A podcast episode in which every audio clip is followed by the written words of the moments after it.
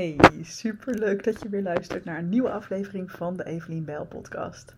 En ik zit nog steeds in mijn hotelbed in Plettenberg, waar ik de vorige podcast ook opnam. Daar vertelde ik je een beetje over de wandeling die we de dag ervoor hadden gemaakt. En waarom ik eventjes rust neem. Namelijk omdat mijn teentje pijn doet. En omdat ik ook wel een beetje klaar ben met alle avontuurlijke wandelingen. Ehm, en vanavond is, uh, nu ik dit opneem, is de Wie is de Mol finale. Ik, uh, ik kan je niet spoilen, want ik weet nog niet wie de mol nou blijkt te zijn. Ik ben wel heel benieuwd. Ik denk op dit moment toch Jurre. Mijn vriend denkt Daniel. Dus nou ja, wanneer deze podcast uitkomt, is dit al lang weer oud nieuws. En is er zelfs al een seizoen van De Mol begonnen. Maar op dit moment ben ik nog vooral heel erg bezig met.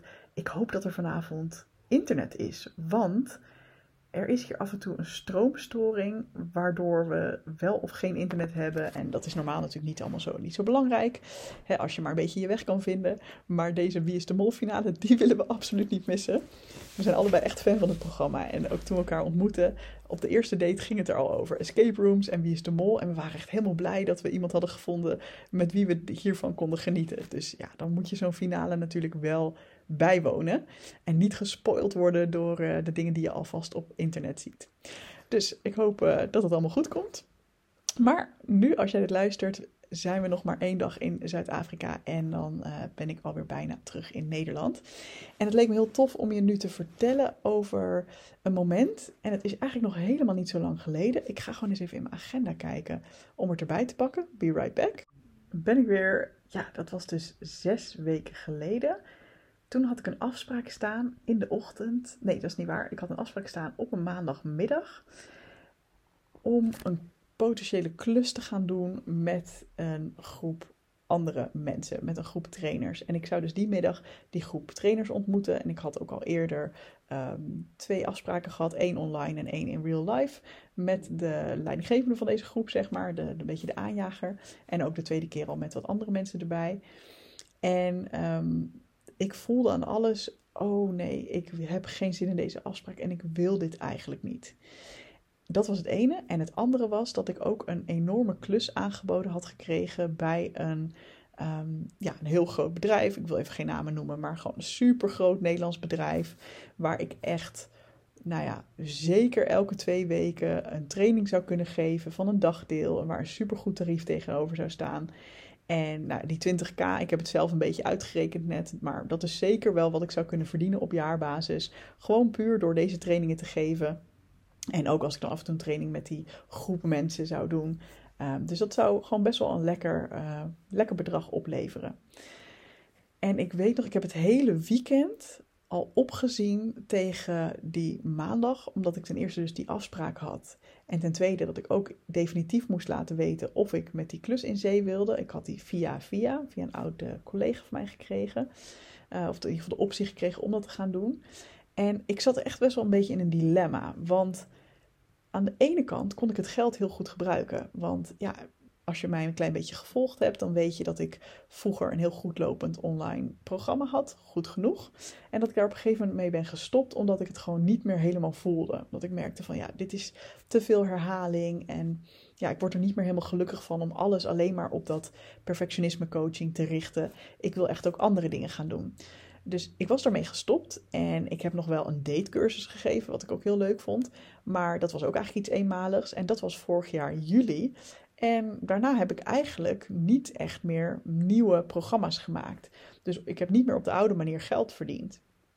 En uh, ik heb wel een klus als projectmanager gedaan uh, bij een uh, ja, grote detacheerder. Dat was nou, prima om te doen. Daar, had ik, daar kreeg ik zeker nog wat inkomsten uit. Maar die liep al een beetje ten einde.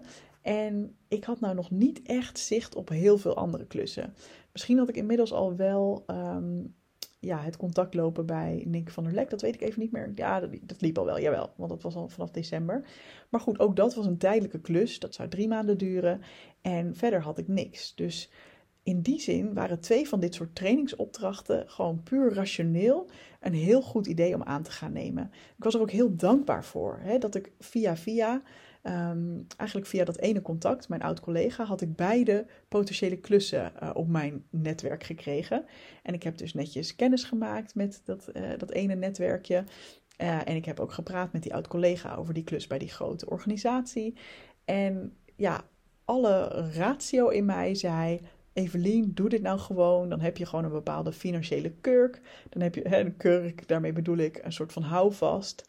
En daarmee kun je gewoon lekker vooruit. En dan weet je gewoon: oké, als ik dit doe, uh, hè, af en toe even een trainingje geven, dan kan ik daarbuiten gewoon doen wat ik wil qua ondernemerschap. En dan heb ik in ieder geval al een soort van basisinkomen. En dat is gewoon wel heel erg lekker. Maar dat was heel erg de rationele kant. En mijn gevoel schreeuwde eigenlijk de hele tijd: Oh, ik wil dit niet, ik wil dit niet, ik wil dit niet. Want wat betekent een training geven? Het klinkt natuurlijk heel mooi. Hè? Je verdient een mooi uurtarief voor een paar uurtjes op locatie wat doen. En uh, ja, verder ben je lekker vrij om te doen wat je zelf wil, want je hoeft niet elke dag te trainen. Maar ik weet wat voor impact het op mij zou hebben om zo'n training te geven. Ten eerste moet je hem natuurlijk voorbereiden. En zeker bij een nieuwe organisatie zou dat natuurlijk elke keer opnieuw ja, veel tijd en aandacht vergen. Nou, dat vind ik nog wel leuk. Dat vind ik ook niet erg. Uh, maar misschien moet je dan zelfs al een keer naar een locatie toe. Nou, dat vind ik vreselijk. Ik vind het afgrijzelijk om te moeten reizen naar een plek toe. Ja, ik weet niet het is misschien heel gek voor iemand die dus nu op reis is en dat hartstikke leuk vindt. Maar naar bijvoorbeeld een kantoorpand toe gaan vind ik afgrijzelijk. Ik vind uh, je weg moeten vinden en dan op tijd op een afspraak zijn. Ja, het klinkt heel decadent. Uh, en dat is het ook. Maar ik krijg daar gewoon een beetje stress van. En zeker met dit soort trainingsopdrachten. Dan is het elke keer natuurlijk weer voor een andere locatie of een ander team of een andere organisatie. Dus elke keer opnieuw ben je weer je weg aan het vinden. En dat vind ik echt extreem overprikkelend. Um, bovendien zouden sommige van die trainingen, die klonken me echt heel erg leuk in, uh, uh, in de oren. Dus dat was echt wel voor ja, een beetje trainee-achtige mensen bijvoorbeeld. Echt van die gemotiveerde mensen. Maar een heel groot deel zou ook gewoon bestaan uit eerste lijns en tweede lijns medewerkers. Helemaal niks mis mee. Maar wat ik voor gevoel erbij kreeg was dat er mensen zijn die helemaal niet zitten te wachten op die training. Maar ze moeten nou eenmaal, hè, die manager moet nou eenmaal één of twee keer per jaar iets doen aan training. Dat is een soort van verplicht. En dus doen ze dan maar wat met jou en jij bent dan hun dedicated trainer. Nou, daar zit je dan dus met een groep mensen die er ja, misschien wel, maar misschien ook niet zin in heeft. En dat kost me ook heel veel energie om daar dan te zijn en dan te doen van, oh ja, leuk, we zijn hier met z'n allen en uh, wat gaan we vandaag leren? Terwijl er eigenlijk allemaal mensen zitten met weerstand.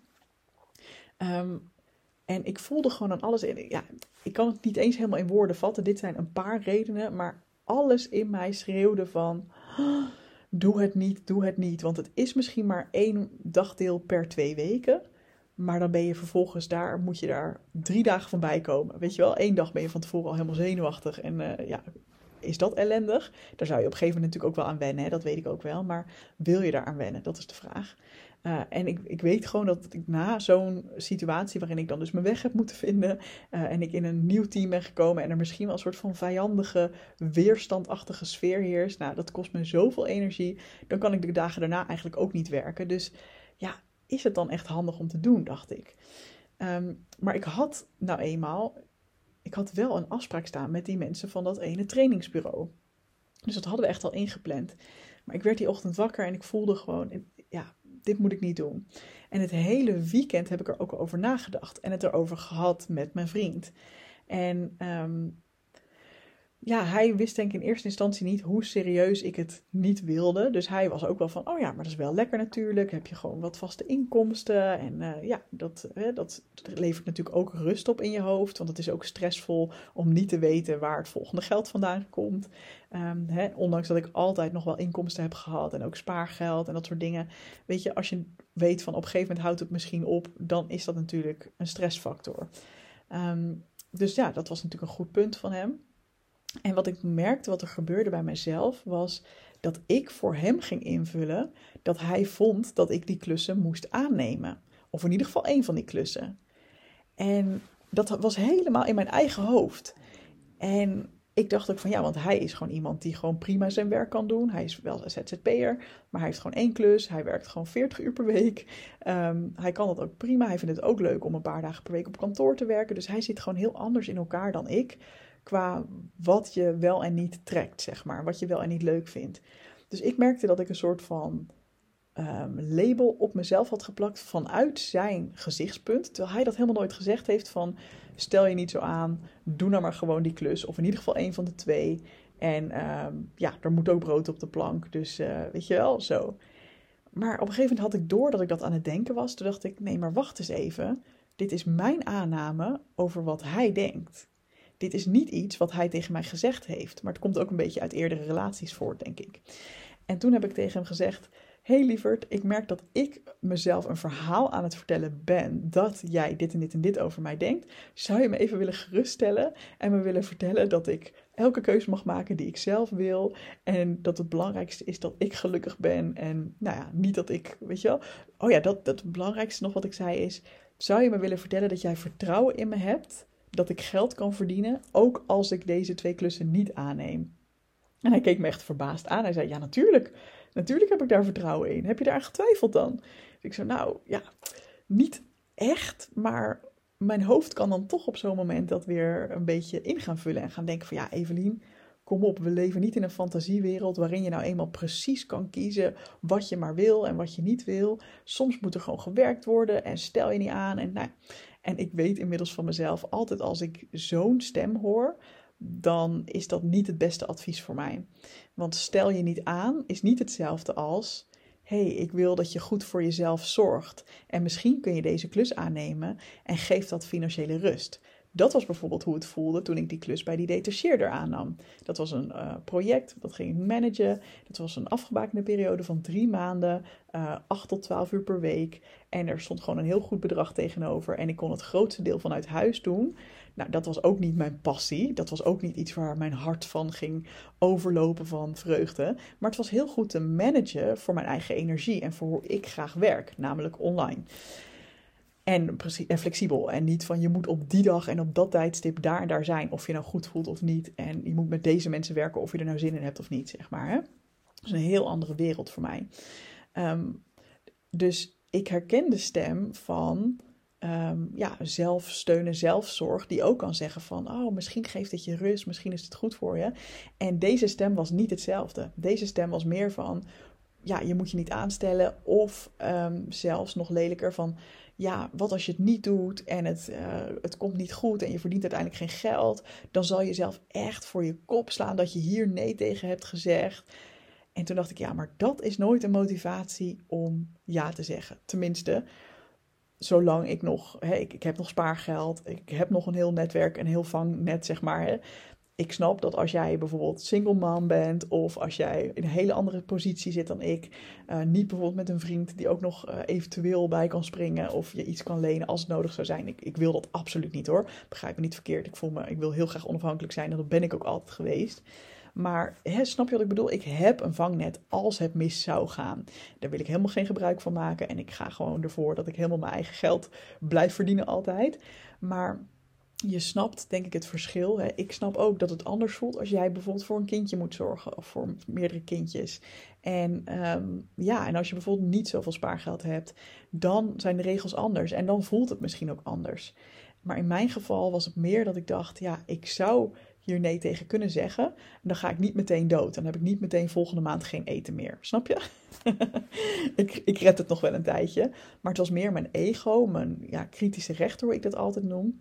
Die me probeerde te vertellen dat ik dit misschien toch wel moest doen. En vooral hoe stom het zou zijn om het niet te doen. En dan denk ik, ja, dat is dus niet iets vanuit. Hé, hey, misschien vind je het toch wel leuk. Of misschien haal je er wel plezier uit natuurlijk, die stem kwam ook wel voorbij van wie weet valt het wel mee. Maar valt het wel mee, voelt toch wel weer heel anders dan, hey, misschien ja, haal je hier echt wat uit. Misschien leer je hier ook wat van. Of um, ja, misschien is het wel iets wat je, wat je toch wel heel tof vindt om te doen. Um, en bijvoorbeeld ook op het moment dat ik ja zei tegen die klus van die project, um, die projectmanagementklus bij die detacheerder, toen was het ook zo dat ik um, echt al een tijdje wat minder inkomsten had. En dat ik echt dacht, oké, let's go. Gewoon any klus is gewoon prima. En inmiddels had ik dus alweer een klein beetje wat opgebouwd. En had ik ook al een andere klus lopen. Dus je positie verandert ook steeds, snap je? Dus nou, ik heb toen die, die uh, mensen afgezegd van diezelfde, waar ik dezelfde dag nog een uh, meeting mee zou hebben. En dat vind ik natuurlijk niet chic. Dus um, ik heb dat wel even goed uitgelegd. Dat was ook zo. Ik voelde me ook niet lekker. Um, ja, er waren volgens mij ook nog wat persoonlijke dingen even aan de hand. Dus die heb ik ook toegelicht van hey, ik merk even dat het niet, uh, uh, ja, dat het toch niet voelt als het moment voor mij om, om zo'n soort klus te doen. En nou, dat heb ik gewoon goed toegelicht. En ik kreeg er ook een heel fijn berichtje op terug dat ze het helemaal begreep en jammer vond. Maar nou ja, uh, dat ik altijd welkom was om nog aan te haken als ik in de toekomst toch van gedachten veranderde. En ook heb ik mijn oud collega benaderd van hey, toch die klus. Ik, ik voel dat het gewoon niet echt is hoe ik zou willen werken. En ja, dat het me toch te veel energie zou kosten. En ook daar was heel veel begrip voor. Dus dat was heel erg fijn. Um, en natuurlijk wist ik toen nog niet waar komt dan mijn geld de komende tijd vandaan. En zelfs nog toen ik op vakantie ging naar Zuid-Afrika, was dat nog steeds een vraag van ja, wat ga ik nou precies doen? Want mijn klus uh, loopt binnenkort af, die ik uh, inmiddels alweer had. Um, en nu is er iets heel bijzonders gebeurd, want ik ben op vakantie en voor nog een klus gevraagd bij Ninke. Uh, ik wil niet op de details ingaan, maar ik vind dat heel tof. Het is wel iets van maar één dag, maar het geeft mij echt het gevoel van wauw, ik word echt serieus genomen hier. Ik mag echt meedenken over bepaalde zaken dat ik denk wow, super vet. En ik ben door Simone gebeld, Simone Levy, gisteren, met de vraag of ik iets in haar team wil betekenen. En um, nou, ik zal er nog niet te veel over uitweiden, want dat is ook nog helemaal niet naar buiten gebracht. Maar ja, we willen graag gaan samenwerken en wat, echt op wat meer structurele basis. We moeten het allemaal nog, uh, ja, nog concreet maken, maar het voelt echt alsof wij win-win voor elkaar kunnen zijn. En ja, echt, ik zat net in de auto, we reden hier naartoe, uh, Alwin en ik, en we waren een luisterboek aan het luisteren. We hebben nu um, The Lion, The Witch and the Wardrobe, of eigenlijk, het is de Nederlandse versie, um, hebben we op, uh, hoe heet dat, Storytel of zo, ja, dan kun je gewoon een gratis twee weken abonnement nemen. En ik heb al mijn accounts al gebruikt daarvoor. Dus nu heb ik al in aangemeld. En uh, nou, zijn we elke keer als we lekker lange stukken aan het rijden zijn, zijn we die, uh, dat luisterboek samen aan het luisteren. Gewoon zo'n lekker kinderverhaal, weet je wel. Gedachten op nul, lekker kijken naar de mooie omgeving. En op een gegeven moment merkte ik dat mijn gedachten steeds afdwaalden naar deze twee nieuwe kansen die er in mijn leven zijn gekomen. En ik zette hem ineens op pauze en ik zei: Lieverd, ik besef me net dat ik gewoon echt mijn droombaan heb nu. Echt, ja, wat ik al eerder in de podcast ook gezegd heb. Van de mensen waar ik vroeger alleen maar naar opkeek en alleen maar van kon dromen dat ik ja, contact met hen zou hebben. En de mensen waar ik cursussen bij volgde en die ik heel inspirerend vond. En dat vind ik nog steeds. Daar ga ik nu mee samenwerken. Echt op een hoog niveau ook. Echt niet voor een lullig klusje, maar echt op strategisch niveau, managementniveau meedenken, uh, meehelpen dingen regelen. En ik vind dat gewoon fantastisch. En ik was daar ineens zo dankbaar voor. En toen besefte ik ook ineens, oh, dit kan alleen maar doordat ik zes weken geleden nee heb gezegd tegen die twee andere klussen. Want als ik dat niet gedaan zou hebben, dan zou ik gewoon de ruimte niet hebben. Dan zou ik die verplichting al in mijn agenda hebben staan. Um, dan zou ik gewoon geen ruimte in mijn hoofd hebben om dit te doen. En ja, dit is gewoon precies hoe ik het wil hebben met een aantal uur per week. Gewoon lekker in mijn eigen tijd. Op super creatief en, uh, nou ja, niet alleen creatief vlak, maar gewoon ook op regelvlak. Op hoog niveau meedenken, dingen regelen. Ja, ik, ik voor gewoon 2 miljoenen businesses. Ik vind dat zo fucking tof. Ah, ik ben er gewoon heel blij mee. Dus genoeg weer over mij, maar laten we het weer naar jou toe trekken. Wat haal jij hieruit waarvan je denkt, ja, dat is iets waarvan ik al langer voel dat ik er misschien nee tegen zou moeten zeggen. Maar mijn ego probeert me te overtuigen dat ik het nog moet blijven doen. Want het zou zo stom zijn om het los te laten. Hè, wat is iets waarvoor jij jezelf toestemming zou mogen of willen geven om het niet meer te doen? Wat is iets wat je zou willen loslaten, waardoor er ruimte ontstaat voor iets wat nog vele malen toffer is? Waar hou je aan vast vanuit een gevoel van veiligheid. Terwijl je eigenlijk voelt van ja, maar het dient me niet meer. Het kost me zoveel energie dat het me eigenlijk tegenhoudt om te gaan doen wat ik echt wil. Ik ben super, super, super benieuwd naar je antwoord. Ik zou het ook te gek vinden als je het zou willen delen onder de video. Ik ga denk ik weer een reel maken van, uh, voor deze podcast. Of met mij in DM. Het leukste is natuurlijk onder de reel, want dan kunnen andere mensen het ook zien. Plus dan krijg ik weer uh, algoritme scorepunten. maar als het heel privé is, mag je natuurlijk ook een DM met me delen. Ik ben heel benieuwd waar jij eigenlijk nee tegen zou willen zeggen. Of het nou in je business is of als je gewoon een loondienst bent, kan het ook tegen een klus uh, daarin zijn of een project. Het kan ook iets zijn wat niet met werk te maken heeft, maar in je privéleven waarvan je denkt, ja, ik voel al langer dat dit eigenlijk een nee is. Misschien een bepaald contact of een bepaalde activiteit. Um, ja, laat het maar weten. En echt, er kan zoiets moois ontstaan door ruimte te maken. En ja, ik heb het net opgeschreven, maar eigenlijk is het nog belangrijker waar je nee tegen zegt dan waar je ja tegen zegt. Want als je overal maar ja tegen zegt, of in ieder geval tegen de niet juiste dingen, dan is er geen ruimte meer voor de dingen waar je echt ja tegen wil zeggen. Ik zou het super leuk vinden als je een review wil achterlaten van deze podcast, zodat andere mensen hem ook kunnen vinden. En als je iemand kent die iets kan hebben aan deze aflevering, zou ik het ook heel lief vinden als je hem wilt delen. Alvast bedankt en graag tot de volgende aflevering. Doei doei!